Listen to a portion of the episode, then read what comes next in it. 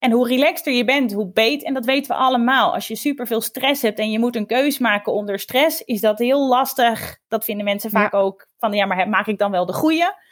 Als, je, als je relaxed ruimte hebt, kijk je daar toch anders naar. Spuug het uit of slik het door. Maar doe er vooral iets mee. Mijn naam is Brechtje Zebrecht en ik ben vandaag in de house.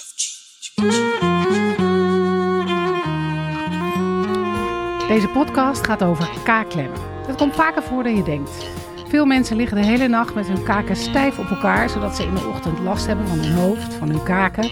Of ze knarsen zodanig dat ze hun gebit kapot bijten. Als jij er een van bent, is deze podcast voor jou. Want Brechtje Sebrechts heeft hier zelfs een artikel over gepubliceerd in het Journal of Chinese Medicine. Hi Brechtje, welkom in de podcast. Leuk! Ik vind het heel leuk dat ik dit mag doen. Nou, ik vind het ook heel erg leuk dat je er bent. Daar heb ik me op verheugd. Vertel eens even wat, uh, wat over jezelf. Wie ben jij? Waar heb je je praktijk? Um, ik heb praktijk in Leiden. En daar zit ik al tien jaar inmiddels.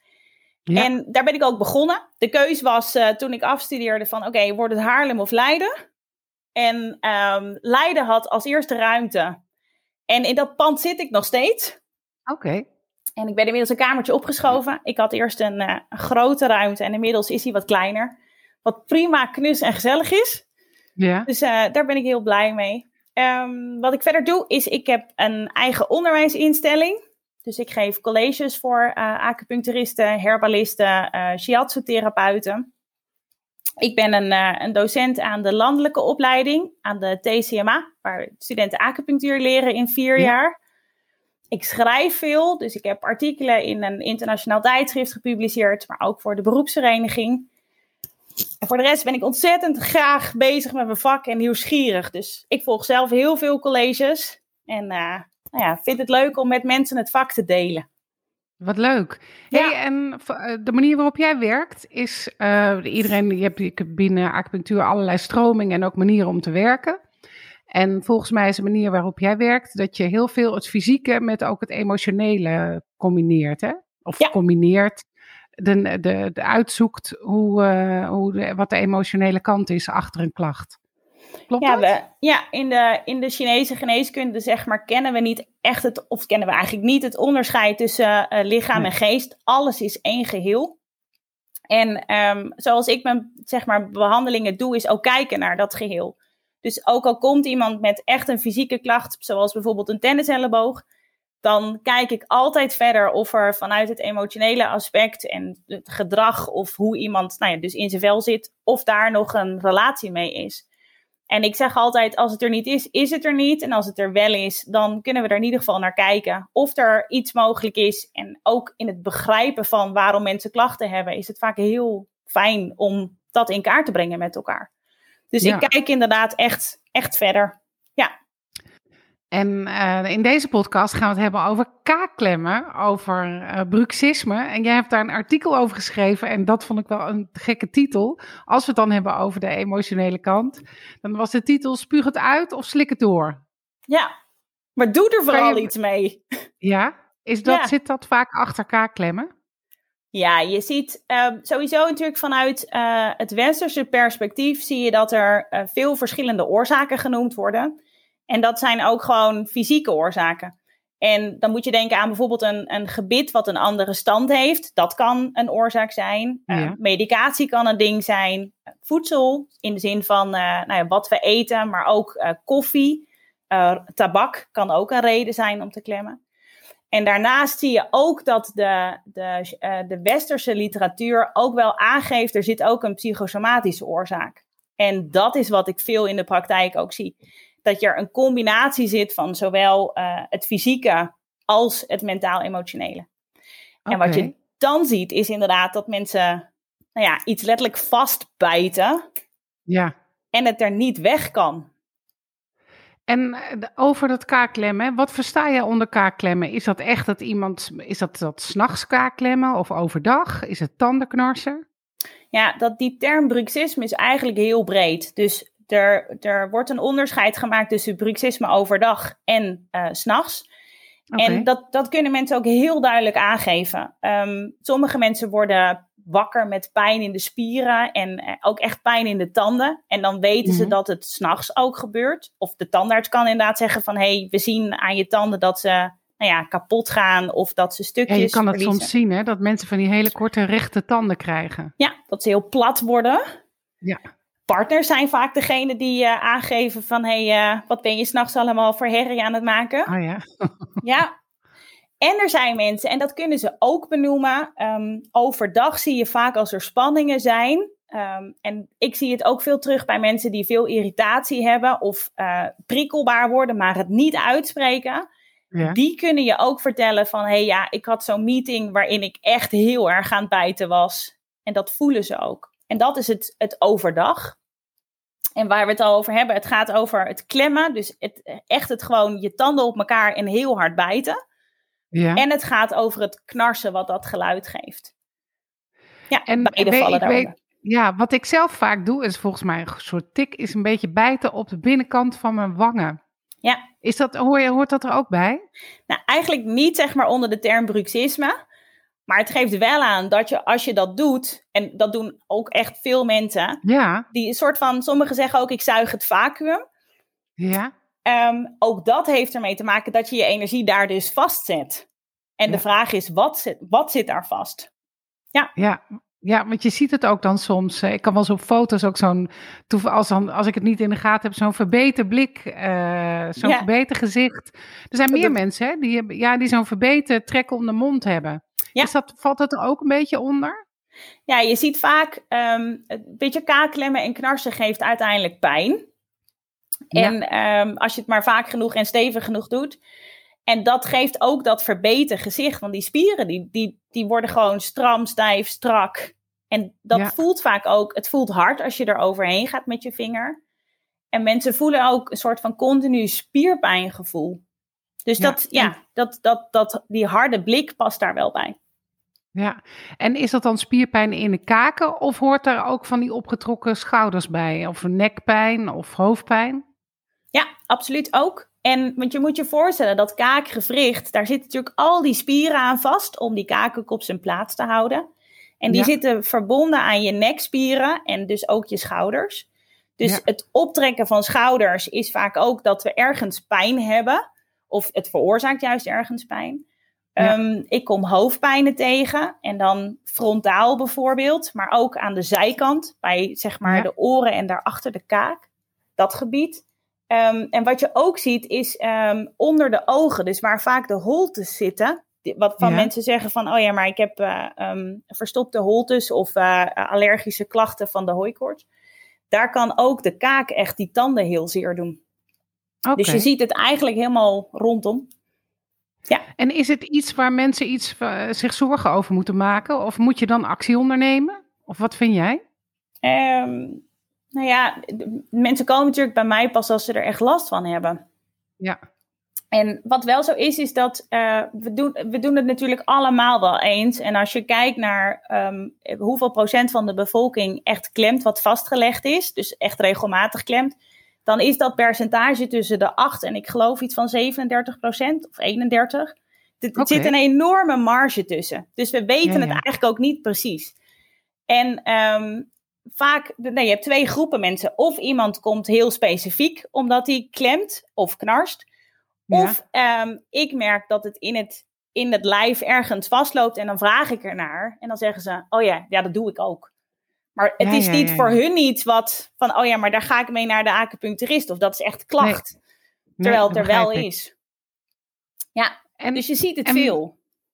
en wat doe jij daarmee? Wat kan, je, kan je daar iets mee? Ehm, hangt er natuurlijk een beetje van af met wat je iets wil. Weet je, als, eh, als tanden stuk zijn en eh, eh, nou ja, bijvoorbeeld iemand gebruikt medicatie en er is heel duidelijk aan te tonen dat medicatie het veroorzaakt, dan kan ik er niks mee. Dan moeten mensen of naar de tandarts of naar de huisarts. Hoe kan Ehm, medicatie? Weet jij hoe medicatie kaakklemmen kan veroorzaken? Nou ja, hoe het precies, dat is natuurlijk een, dat chemische proces wat er ontstaat. Ehm, Ja. Maar we weten wel van bepaalde antidepressiva bijvoorbeeld, dat het, eh, dat het daar echt een Oh link ja? mee heeft. Ja. ja. En dan is natuurlijk de vraag, en dat is niet aan mij, om te beoordelen wat je op dat moment doet. Ja. Maar het is, het, ja, ik verwijs die mensen terug naar de huisarts als ze er echt heel veel last van hebben. En joh, Ja. weet je, um, overleg is of er een mogelijkheid is. En daar Ja. mogen wij natuurlijk niks over zeggen. Eh, maar ik Nee, vind dat wel belangrijk om te bespreken. Ja, Ja, ja nee, de maar medicatie, dat is natuurlijk voor de duidelijkheid. de- dan ga je terug naar degene die die medi- medicatie heeft voorgeschreven. Ja. Omdat die weet of, je daar, of het verstandig is om eh, hoe, hoe al dan niet af te bouwen. Ja. Ah, ja, of, een, of een andere medicatie te gebruiken die die bijwerking niet heeft. Maar er is echt Ja, een lijstje precies. waar het voor het vastgelegd is. Ja, en dat zijn er meer, is niet net- alleen maar antidepressiva. En je noemde net ook roken en koffie. Ja, de, de, daar zitten blijkbaar ook stoffen in die triggeren om dus echt eh, zeg maar te knarsen of te bijten. Ja. Grappig. En die zijn, want dat is wel mooi, als je dus de, de onderzoeksliteratuur induikt, dan zijn dit dus de oorzaken die genoemd worden. Ja, En dat vond ik ook hè? verrassend. Ja, ja. ja en wat, wat wel mooi is in die onderzoeken, is dat ze ehm, qua emoties angst eigenlijk met name noemen.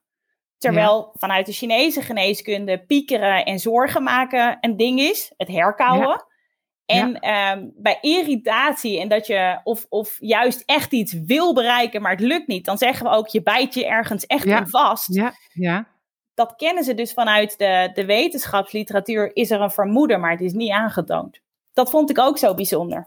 Ja, dat het andere, dat het andere emoties zijn. Ja, heb je praktijkvoorbeelden waar we, eh, aan de hand eh, waarvan we zoiets kunnen vertellen? Is er iemand waarvan je denkt, nou dat is typisch en dan kan ik uitleggen, oh, zo Ja. werkt dat. Nou, dat was wel heel leuk. Zij, ehm, ik had een, eh, een post geplaatst op LinkedIn over dus kaakklemmen en knarsen. En vanuit Ja. de psychosomatiek uitgelegd van, eh, nou weet je welk acupunctuurpunt heeft welke, welke werking op nou ja, de spier, maar ook op nou ja, je emotie zelf.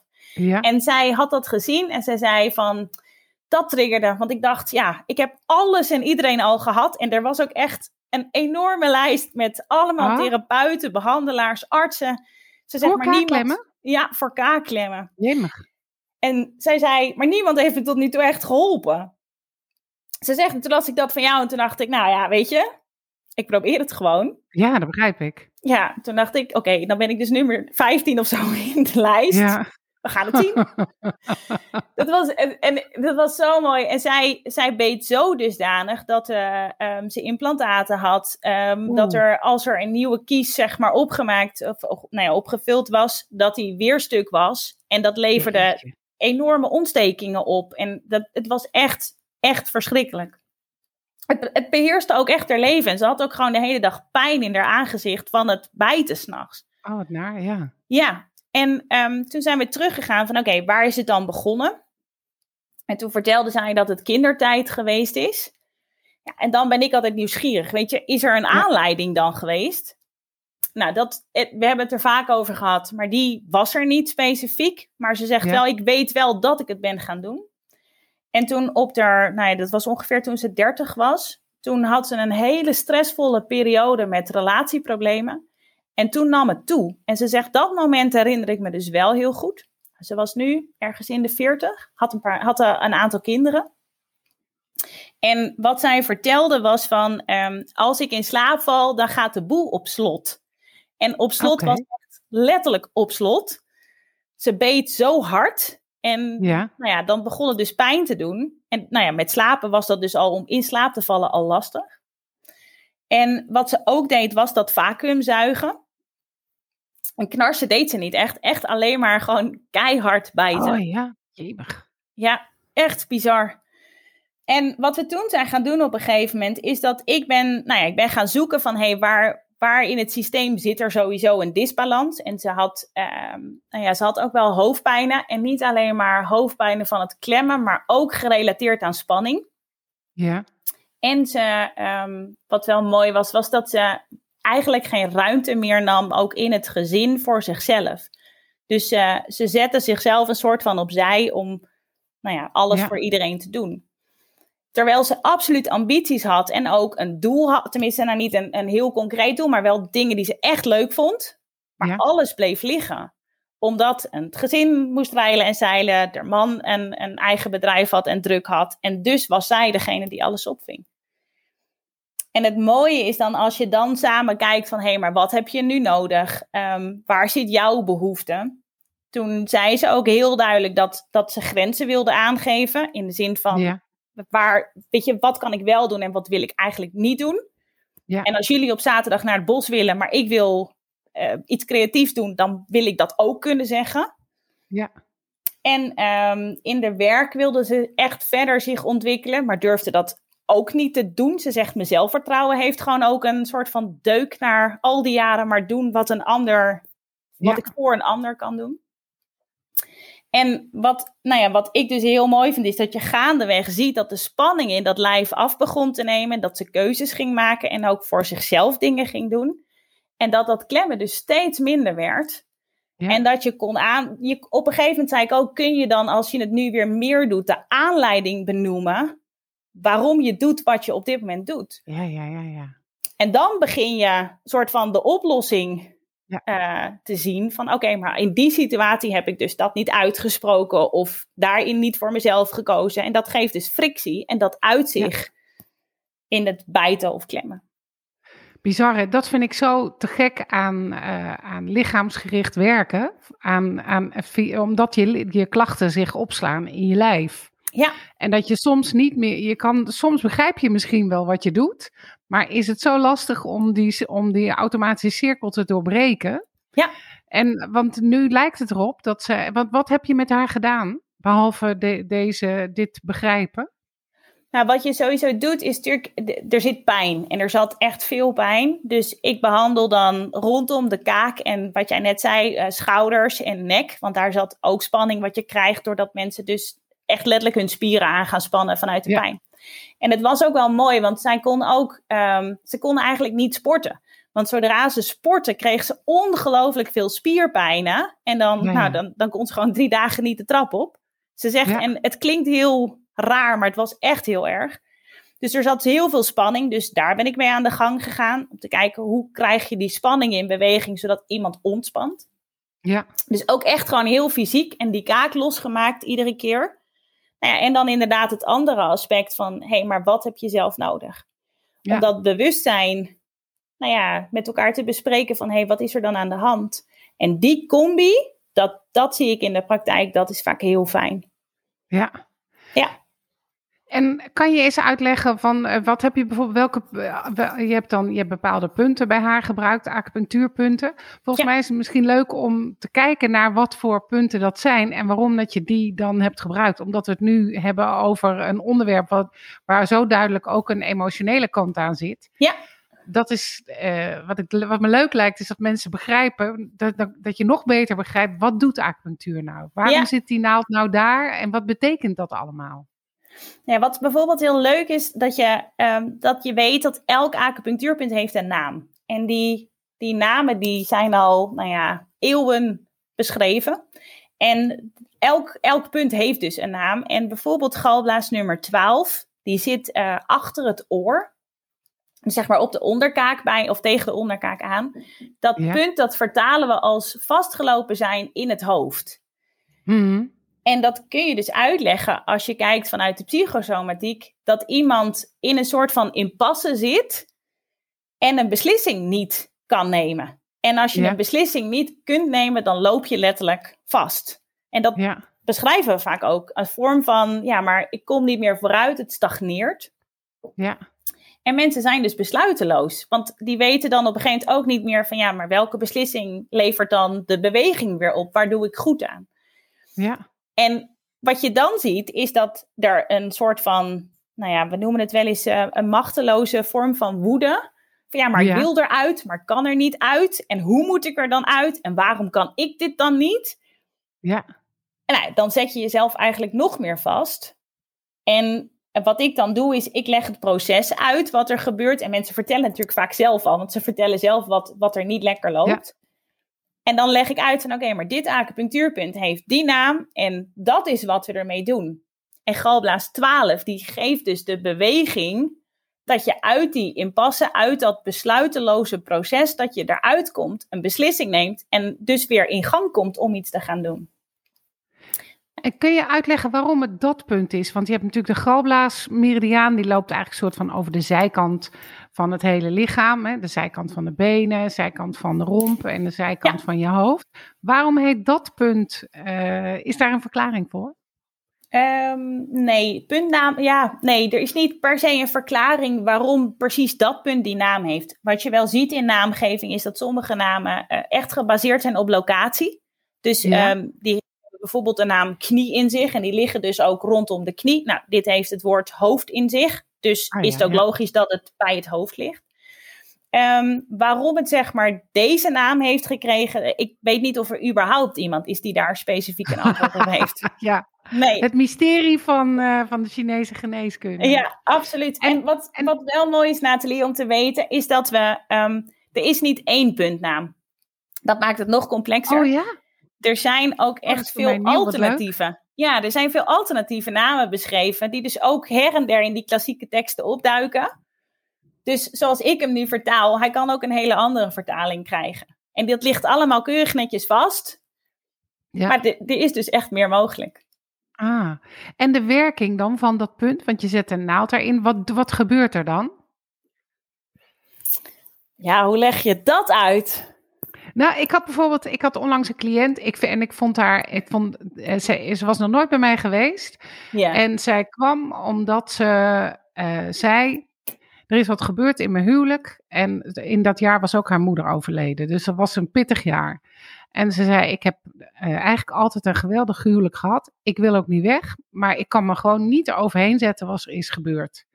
En ik, ik zat ja. eigenlijk met open mond, omdat ik het zo briljant vond van haar dat ze naar mij kwam, naar acupuncturist. Ja. Dus ik zei ook van, nou, ik ben geen uh, psychotherapeut, dus ik kan je niet adviseren wat je gaat doen hiermee. Wat ik wel kan doen, is ik kan zorgen dat misschien je energie weer zodanig vrij is, zodat je kan voelen welke besluit je moet nemen. Ja. En um, ik vond dat van haar, dacht ik echt, jeetje, dat je dat hebt bedacht, dat vond ik echt geweldig. Ja. Maar en in dit geval bijvoorbeeld zo'n galblaas 12, en dat, daar kan, je daar, kan je dan uitleggen wat dat doet met de beweging van energie daar? Ja, wat je, begrijp je wat ik bedoel? Ja, ik begrijp wat je bedoelt. En um, wat je natuurlijk wil, er zit vaak spanning op. Want dat, is, dat hele gebied is pijnlijk en die spieren zijn aangespannen. En wij zeggen dan vanuit de beweging van de chi, dan wil je een vrije beweging, wat jij ook zo mooi hebt ja. uitgelegd. Je wil die vrije beweging creëren. En, of uitnodigen eigenlijk. En um, wat je dus doet als je je naald erin zet, ik wacht echt totdat die spier of nou ja, die fascia-structuren, dat die beginnen te ontspannen. En dat is het moment vaak dat mensen ook beschrijven dat um, spanning, nou in dit geval in de kaak of aan de zijkant van het hoofd of de nek, af begint te nemen. Mm-hmm. En dat mensen het warm voelen worden of dat mensen het voelen stromen. En dat is die beweging die je, nou ja, die je uitnodigt om op gang te komen. Ja. En dat, dat voelen mensen ook echt. En bijvoorbeeld deze uh, cliënt van mij, um, je zag er op, op mijn behandelbank, dan begon ze voorzichtig aan met haar kaak te bewegen en haar mond te openen en te sluiten. En dan oh ja. om te voelen wat er met die spanning gebeurde. Ja. En dat is super mooi om te zien. En je kunt het zelf ook voelen natuurlijk, want je voelt ook de spanning van die spier of nou ja, fascia-structuren. Je, je voelt het zelf ook ontspannen. Kunnen mensen mooi. dan ook bijvoorbeeld als, uh, als iemand nu luistert en die denkt, oh, ik heb eigenlijk ook wel die spanning, kan je dat ook masseren? Ja, ja hoor, kun je allemaal echt prima zelf doen. Ja. En er zitten natuurlijk ook op de kaak, op de onder- en de bovenkaak zitten punten. En er zitten punten uh, langs het oor, wat je allemaal, ja. uh, wat je zelf ook kunt doen. Ja. Hey, en uh, de, dit punt zeg je is op de galblaasmeridiaan. Er is altijd ja. een hele mysterieuze vraag. Want die, die meridianen die hebben de naam uh, sommige van een orgaan. Wat ja. nou als je geen galblaas meer hebt? Ja, nou niks aan de hand. Nee. Nee. Nee, het mooie is in de Chinese geneeskunde is er is, is een meridiaan niet gelinkt direct aan het orgaan. Dus als het orgaan weg is, is niet de meridiaan weg. Dus het, uh, het maakt niet uit. En het mooie is natuurlijk ook, we hebben, we hebben hem aan één kant liggen. Dus we hebben geen twee galblazen. En die ja. meridiaan loopt wel aan twee kanten. Ja. En dan zeggen mensen ook van, ja, hallo, ik heb er toch maar één. Ja, dat klopt. Ja. En toch hebben ze, nou ja, hebben we het verloop zowel links als rechts. Dus uh, nee, als die oh, weg is. Uh... Die vraag heb ik nog nooit gehad, inderdaad. Maar dat is natuurlijk ook logisch. Je hebt ook maar één maag en ook één lever. Ja. Nou, dan kan je van die Ah, maag ja. nog zeggen, die ligt redelijk in het midden, maar daar Ja, loopt die meridiaan ook, ook niet. niet. Nee. Ja. Ja. Ah, wat grappig. Dus dat maakt niet uit als dat orgaan. Heb je ooit wel eens Nee. gedacht van, oh, er is toch een verschil? Helemaal niet. Nee, ik heb, nee, want ik heb best wel een aantal mensen bij wie natuurlijk galblaas verwijderd is. Want dat zie je ook wel regelmatig. Ehm, Ja. Nee, ik heb, ook niet, ik heb ook niet dat je dan iets, iets energetisch echt anders ziet. Nee. Nee. Nee, is me niet zo, niet zo opgevallen. En die galblaasmeridiaan, is dat dat je die meridiaan gebruikt eh, omdat die daar loopt, zeg maar, toevallig in dat kaakgebied? Of heeft de galblaasmeridiaan ook nog meer te maken met dat gefrustreerde of, eh, of je, je grenzen aangeven? Ja, dus natuurlijk eh, vanuit de Chinese geneeskunde is, er een, is het het energetische concept. Dus het heeft een verloop over de hele zijkant van het lijf. Wat jij al heel terecht in het begin zei, van, ehm, van voet tot, tot oog. Dus het is het, de hele zijkant van het lijf is galblaasmeridiaan. Ehm, en je kiest punten die eh, dat invloedsgebied behandelen. En dan doen we dat of eh, op de locatie zelf, dus bijvoorbeeld bij kaakklemmen ehm, op het hoofd. En dan ook zo dicht mogelijk op de plek waar het dus vastloopt. Maar Ja. je kan er ook voor kiezen om er zo ver mogelijk vanaf te gaan zitten, dus op de voetpunten te gebruiken. Ja, En dan, dan zeggen we van oké, je behandelt een klacht dus precies tegenovergesteld aan het andere einde van die meridiaan. Dus die, zeg maar, die hele lijn wordt gebruikt. En het mooie van die galblaasmeridiaan, die heeft een soort van zigzagstructuur. ja, En we zeggen wel eens een besluit neem je als een soort donderslag bij heldere hemel. Het is gewoon boem, daar is het besluit. en dan wordt er gezegd, ja, Ja. maar hij zigzagt ook. Alsof Ja. je dus inderdaad de bliksem hebt die inslaat. Ah, Dat is wel wat een mooie vergelijking. Ja. Dat is heel leuk, ja. Daar hou ik ook van. Ja, maar goed, je gebruikt hem dus je gebruikt hem absoluut voor, voor spanningsklachten, migraine-achtige klachten die aan, aan één kant, zeg maar, dat mensen zeggen, ja, het zit altijd rechts of altijd, eh, nou ja, Mhm. bij mijn oog. Ehm, ik gebruik hem voor heupklachten. Je gebruikt hem dus voor kaakklemmen. ehm, eh, nou ja, weet je, kuitdingen. Echt aan de zijkant. Knieklachten die aan de buitenkant zitten. Ja. Ja. En, en weer terug naar dat kaakklemmen. Is dat iets waar je, is die, kan je daar helemaal van afkomen?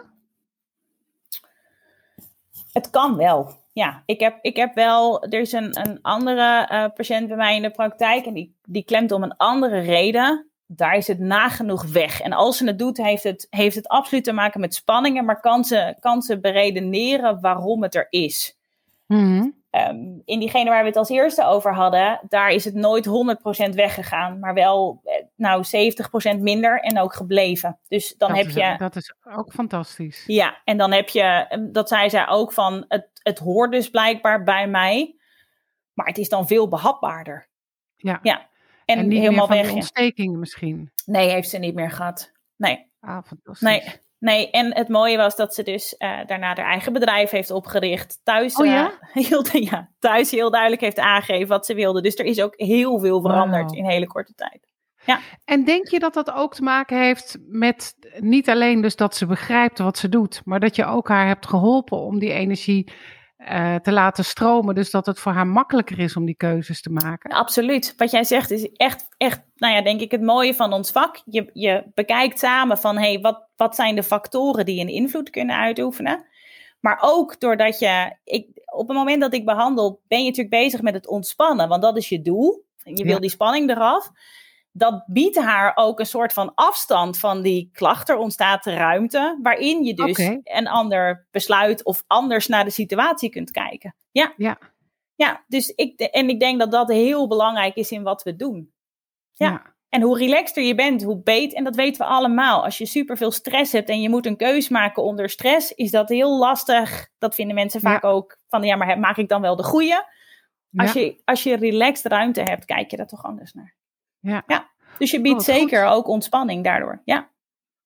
En zijn er, ehm, zijn er, nou je noemde al hoofdpijn, maar zijn er andere klachten die kunnen komen, die kunnen ontstaan door dat kaakklemmen? Eh, nou ja, hoofdpijn is absoluut een hele belangrijke. Eh, die zie je regelmatig. Ehm, eh, vermoeidheid is er één. En dat heeft vooral te maken met dat je, ehm, als er bijvoorbeeld frustratie zit of het überhaupt pijn, en pijn maakt al dat je moeier wordt, het kost gewoon Ja. energie. Ehm, je ziet inderdaad eh, nou, pijn in tanden en kaak dus. Wat dus hoofdpijn kan geven, maar hoeft niet altijd. Ehm, en je ziet de slijtage van de tanden. En dus het stuk gaan van tanden. Dat is wat je het meeste ziet. Ja. En het mooie is ook dat als mensen komen met hoofdpijn, dan vraag ik wel eens of ze bijten of knarsen. Um, En er zijn er ook die zeggen dat ze dat niet weten of ze het doen, of ook zeggen van nou, volgens mij doe ik dat echt niet. Ja. En je ziet op een gegeven moment dat als je dan zo'n kaak gaat voelen, dat daar wel degelijk veel spanning zit. Dus ik, ik check hem ook, omdat mensen niet altijd oh bewust zijn van wat ze doen. Ja. ja. ja. En kun je dat zelf ook checken? Kunnen mensen zelf checken bij hun kaak? Waar, hoe, waar doe je dat? Waar begin je ehm, dan? Eigenlijk zeg maar ehm, bij je oor, dus waar je, ja, waar zeg je dat? Als je je oortjes inplugt, ja. zeg maar, waar, waar, nou ja, ja, hoe zeg je dat? Het gat, maar dat is het niet. Je oorschelp? Ja, die. Zeg ooringang? Maar, ja, je, gehoor, ja, je gehooringang misschien. Ja. Ik weet niet. In ieder geval daar vandaan en dan ga je naar beneden. En dan neem je echt je, je juk... Nee, het zijn, zijn dat je jukbeenderen? Dit zijn je jukbeenderen. Ja, dus je gaat maar omlaag je, naar de, je onderkaak in. Ja, dus je gaat van boven zeg maar je onderkaak in. En dan helemaal langs het randje. En dan aan de onderkant, dus bij je kin of nog in je gezicht, op je gezicht? Nee, op je gezicht nog. Ja, dus eigenlijk waar je je wortels van je tanden hebt zitten. Dus echt nog je kaakgewricht, die ga je langs. En boven inderdaad ga je um, rechtdoor naar je jukbeenderen toe. Want je wortels zitten omhoog, recht omhoog. Dus die zitten ook in die zone. Daar kun je ook voelen. En dan, nu natuurlijk mensen hebben hooikoortsklachten. Um, dan kan het ook gevoelig zijn, maar het kan ook echt gevoelig zijn van je tanden. En je kunt inderdaad, dat punt wat jij net zo mooi noemde, galblaas 12, je kunt vanuit die um, je nek in recht naar beneden. Oké. En als je daar vandaan naar beneden gaat, heb je eigenlijk de zijkant van je nek, waar je sternocleidomastoidea zit. Als je die lijn naar beneden volgt, daar zit ook vaak spanning. Ja. En hier zit ook een punt, hè? Kan je daar wat over vertellen? Want die, ik, ik las, toen ik jouw artikel las, dat je die ook gebruikt, galblaas 20. Ja, galblaas 20. Die zit natuurlijk achterop. Dus die zit aan de, aan de rand van je schedel. Ja. En um, die noemen we wel, zeg maar, um, de, het, de pool van de wind. Dus waar de wind uh, invloed heeft.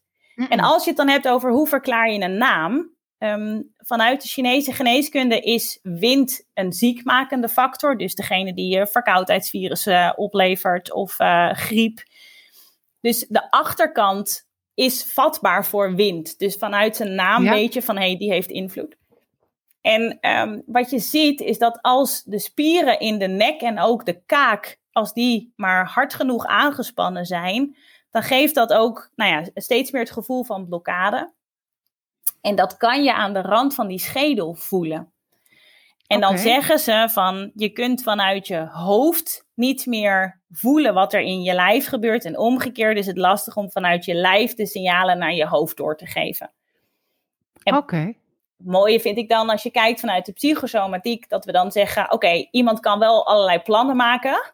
Dus dat is hoofd. Ja. Maar ze uitvoeren, dus letterlijk met je handen iets oh, doen, ja? dat lukt dan niet.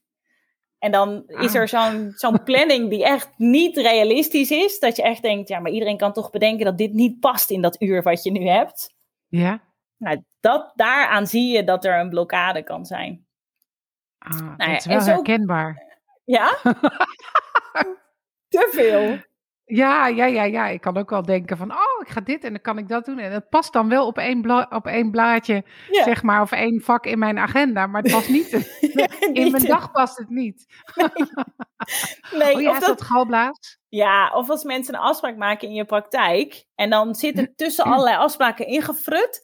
En dan zijn ze bij jou net vijf minuten te laat. Maar dan is het, ja, nou ja, maar de moest hoor. Want ik moest dit nog doen en dat nog doen. En er stond een auto geparkeerd. En ik moet trouwens ook op tijd weg hoor. Ja. dat is typisch. Dat vind ik ah. mooi. Ja.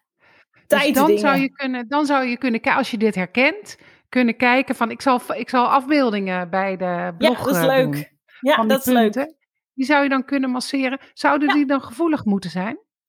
Meestal wel, omdat die spieren zeg maar al aangespannen zijn. Dus de spiertonus is vaak groter. Dus uh, je voelt vaak dat dat spanning geeft. En omgekeerd dus, op het moment dat je het gaat masseren, dan voel je vaak dat het verlichting geeft. Ja. Ja, ja absoluut. Of gewoon naar je acupuncturist gaan om de zoveel tijd. Ja, even langs. ja, en wat, wat, wat natuurlijk nu heel leuk is, want we hebben het over de galblaas, maar de maag speelt ook een rol. En wat, je, wat je dus ziet is, um, nou, dit soort dingen dus, dus besluiten nemen um, is galblaasding, zeggen wij. Um, De moed hebben om iets te doen is vaak galblaas gerelateerd. Maar mensen die zich zorgen maken en dus piekeren, die doen aan herkauwen. Ja. Want dat komt iedere keer maar weer terug. Nou, dat zijn ook dingen die je ziet bij kaakklemmen. Dus er ah. zijn wel een soort van twee grote groepen van klachten die je ziet. En wat kan je dan doen als het aan je maag ligt? eigenlijk, eigenlijk is het concept natuurlijk hetzelfde. Want als je dus, ook dan stel ik de vraag, weet je welke fysieke klachten heb je? Ja. En wat je bij die mensen ziet, is dat het een vol gevoel geeft in de buik. Dat ze als ze gegeten hebben snel niet meer, niet meer trek hebben. Dat ze snel vol zitten. Um, ze kunnen bijvoorbeeld boeren omdat het gewoon weer omhoog komt, want het past niet. Ehm, het, het kan het spanning geven, dus gewoon continu maagpijn. Dat zou een ding kunnen zijn. En ehm, ik vraag dan ook altijd van, joh, weet je, is er verder iets waar je mee zit? Is er iets waar je je zorgen over maakt of waar je je niet gesteund in voelt? Of waarbij je juist heel veel voor een ander doet? Mhm. Om te kijken, zit er ook een psychosomatische component aan? Ja. En stel dat iemand zegt, ja, dat heb ik. Wat doe jij dan? Um, eigenlijk weer dus op precies dezelfde manier als bij die galblaas. Um, ook dan voel je in het kaakgebied waar er spanning zit. En er zijn ook punten, we hadden het net over punten van de galblaasmeridiaan. Je hebt ook punten van de maagmeridiaan. Ja. En die, die zitten ook in dat gebied. Um, zitten ook niet ver van die galblaaspunten af, maar hebben wel een andere aanvliegroute dus. Die meer gericht is op het, het, nou ja, het stoppen van het denken in kringetjes. Het, het, het nou, letterlijk herkauwen. Ja. Ehm, en je verlicht dus spanning, waarbij je die ruimte dus weer geeft. En um, uh, ik los de, tenminste, je kijkt naar de fysieke klachten. En dan dat mentaal-emotionele aspect dat ik bespreek. En ik kies mijn punt dus zo uit dat die past bij dat mentaal-emotionele aspect. Ja. En kies je dan ook weer naar een punt voor. En uh, hou je dan rekening met een naam of met een locatie? Ja, absoluut, met beide. Um, maar er liggen in de, zeg maar op de kaak, de maagpunten liggen ook een aantal vrij dicht bij elkaar. En dan selecteer ik echt op basis van naam. Ja. Oh ja, oh, wat leuk. Kan je er eens eentje noemen? Ja, nou bijvoorbeeld maag 6. Die heeft als naam de draaischijf van de kaak. Oké. Draaien. En, en maag 6, dat ligt echt op in die hoek van de kaken. Je, als je je spier je op je kaken klemt. Ja dan voel je... Um, een, een, spier, zeg maar, naar voren komen. Ja. En de maag 5 zit in die kuil ervoor en maag 6 in de spier. Ja. ja. En dan kun je zeg maar daar dus voelen. En dat is wel leuk, want als je zegt van ik plak er een afbeelding bij bij die uh, galblaas. En die maag 6, zeg maar, die draaischijf. Um, als mensen dus vastlopen en niet uh, uit die piekergedachtes komen, dan slingert maag 6 eigenlijk het draaien weer aan. En draaien staat voor beweging.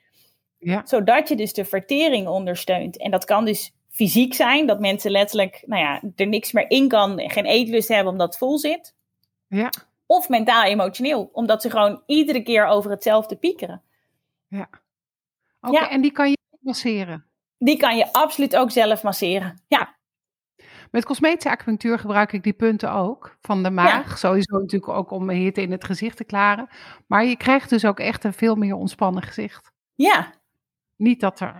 Dat, nee, ja, wat je, verbeteren, ja. dat verbeteren wat jij net zei, dat zie je dus inderdaad ook. Ja, ja. ja dat klopt. En mensen voelen zich ook lekkerder. Weet je, dat is natuurlijk ook nog. Ja. Voelt relaxer. Ja.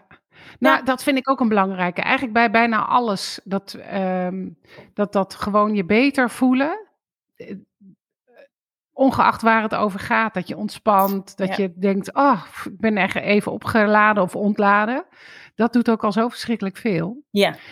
En merk jij dat dit soort klachten meer voorkomen in deze periode? Want dit is best een, een jaar wat ook wel frustrerend uh, is natuurlijk. Ja, ja, ik zie eigenlijk een soort van uh, tweedeling in de praktijk.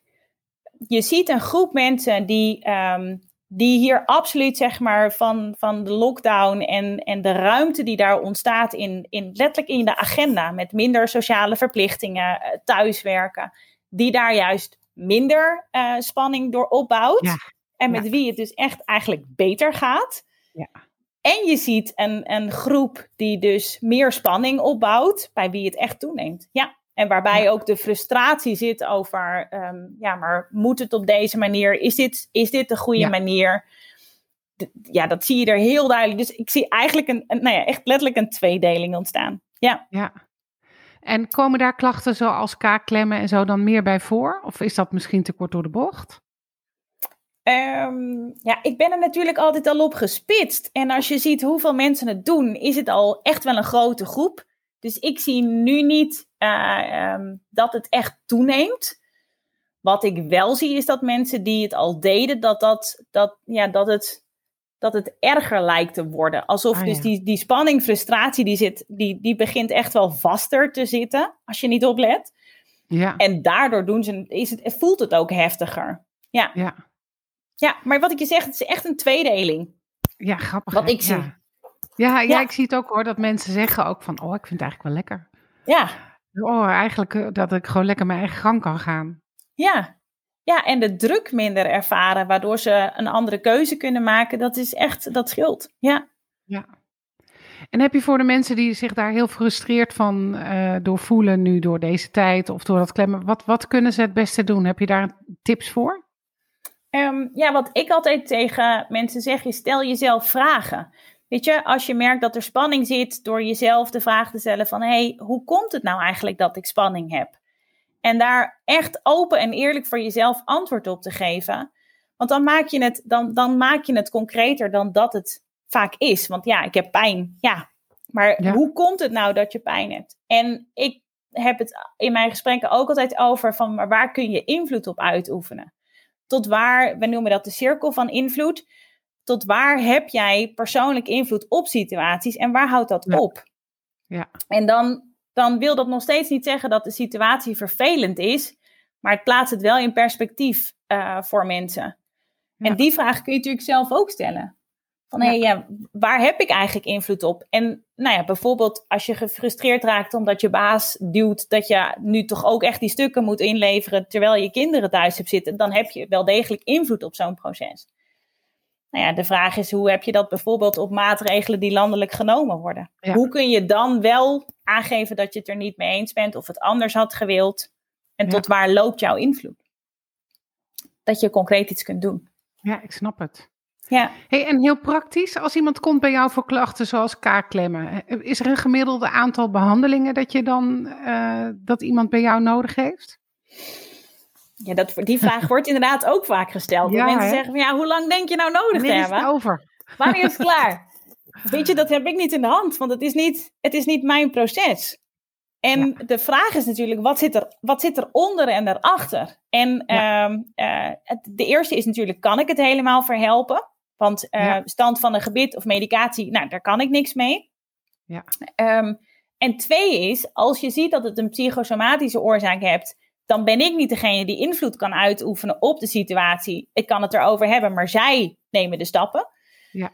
Dus dat ligt ook buiten mij. Ehm, dus ik vind dat een hele lastige. En als je kijkt naar het ontspannen van spieren, wat ik wel zie, is dat ehm, ik mijn mensen één keer in de vier tot zes weken behandel. En dat dat Ja. prima te doen is. Dus Eén keer, in, één keer per vier tot zes weken. ja, ja, ik zie eigenlijk over het algemeen eh, de meeste mensen niet vaker dan in die frequentie. En dat Oh. gaat prima. Oké. Ja, dus ja, hoe vaak kom je terug? Dat, het is maar net afhankelijk van wat er aan de hand is. En dan, dan nog als je je gaat tellen. Ja, Geef je mensen dan een soort huiswerk mee? Of, of eh, nou ja, nee, niet per se. Want je ziet vaak dat op het moment dat je dus die vragen gaat stellen: van wat zit erachter? En dat kan nogmaals echt een fysieke oorzaak zijn, als het maar inzichtelijk is voor mensen. Op het moment dat ze dat in de gaten hebben, van wat is er in, bij mij dan aan de hand? Ehm, mensen nemen dat mee en mensen, mensen gaan vanzelf daarmee aan de slag. En als het Ja. iets psychosomatisch is, dan komen ze vaak terug van: Oh, maar nu heb ik deze keer wel gezegd hoor, dat ik het niet wilde. oh ja, ja, Ja, en daar zit, daar zit de beweging in. dat is wel heel leuk hè? Ja, dat is, dat is superleuk. Ja. Ja. En weet je, en de een is daar sneller in en, en heeft meer mogelijkheden om dat aan te pakken dan de ander. Ja. dat klopt. Maar wel als je het voelt in je lijf dat er meer beweging is, ga je bijna ook automatisch die ook meer innemen, toch? Ja, absoluut. Het, en ja. het, is ook, het is ook, weet je, mensen moeten, of mensen moeten, maar mensen gaan ervaren dat ze, dat ze invloed kunnen uitoefenen en dat niet het doemscenario gelijk ontstaat, maar dat daar ook ruimte in zit. En wat jij zegt, op het moment dat je dat ervaart, ga je ook steeds verder opschuiven. Ja, dat is zo mooi. De vraag is natuurlijk, die ik, die ik eigenlijk mensen vaak meegeef, is waarom doe je wat je doet? Ja. Of hoe komt het dat je doet wat je doet? Dat, mensen, dat, dat bewustzijnstukje, dat is natuurlijk superleuk. En dat is ook als je een boek kiest om te lezen, of als je een, een, uh, nou ja, een studie gaat volgen, of van baan wisselt. Er is een reden hoe het komt dat je, dat je doet wat je doet. Ja. Dat vind ik leuk. Maar daar zit een beetje, eh, ja, daar zit natuurlijk ook wel een beetje weer meer die autonomie in die je dan hebt over jezelf. Dat je beseft van hé, hey, ik heb zelf die keuze. Ja, en dat vind ik zo belangrijk dat mensen zich realiseren dat je een keuze hebt. En dat wil niet een makkelijke keuze zijn. En ik zeg ook nooit dat, dat, dat je het daarmee oplost, maar dat je wel ziet dat je een keuze hebt. Ja, vind ik ook. Je, er is misschien niet uh, dat alles uh, altijd opgelost kan worden. Maar er is heel veel ruimte tussen, tussen wat er nu is. En er is altijd wel wat verbetering of verandering mogelijk. Ja. En daar heb je heel veel invloed op. Ja. En wat jij heel mooi zegt, het gaat in mijn behandelingen. Ik, ik zeg ook altijd, ik genees je niet. Nee. Dat kan ik niet en dat wil ik ook niet. Dat is niet mijn verantwoording. Het is inderdaad, mensen doen dat zelf. Ja. En iedere stap die iemand zet, dat is winst. Ja. Hoe klein die ook is. Hmm. Je hebt een praktijk in Leiden, maar hoe kunnen we jou vinden? Um, nou, in ieder geval op mijn naam. Daar kun je me op vinden. Um, ja. Mijn uh, opleidingscentrum zit onder de naam Centrum Zebrecht. Ja. Dus daar kun je een deel vinden. En inderdaad praktijk. Dus praktijk in Leiden. En dat is uh, acupuncturist Leiden. Dankjewel. Graag gedaan. Heel erg leuk. Ik zie je binnenkort uh, in de schoolbank uh, ja. in jouw klas. Dat is leuk. Daar heb ik heel veel zin in. Ik ook. En dankjewel voor, voor deze podcast. Heel graag gedaan en dankjewel voor de uitnodiging.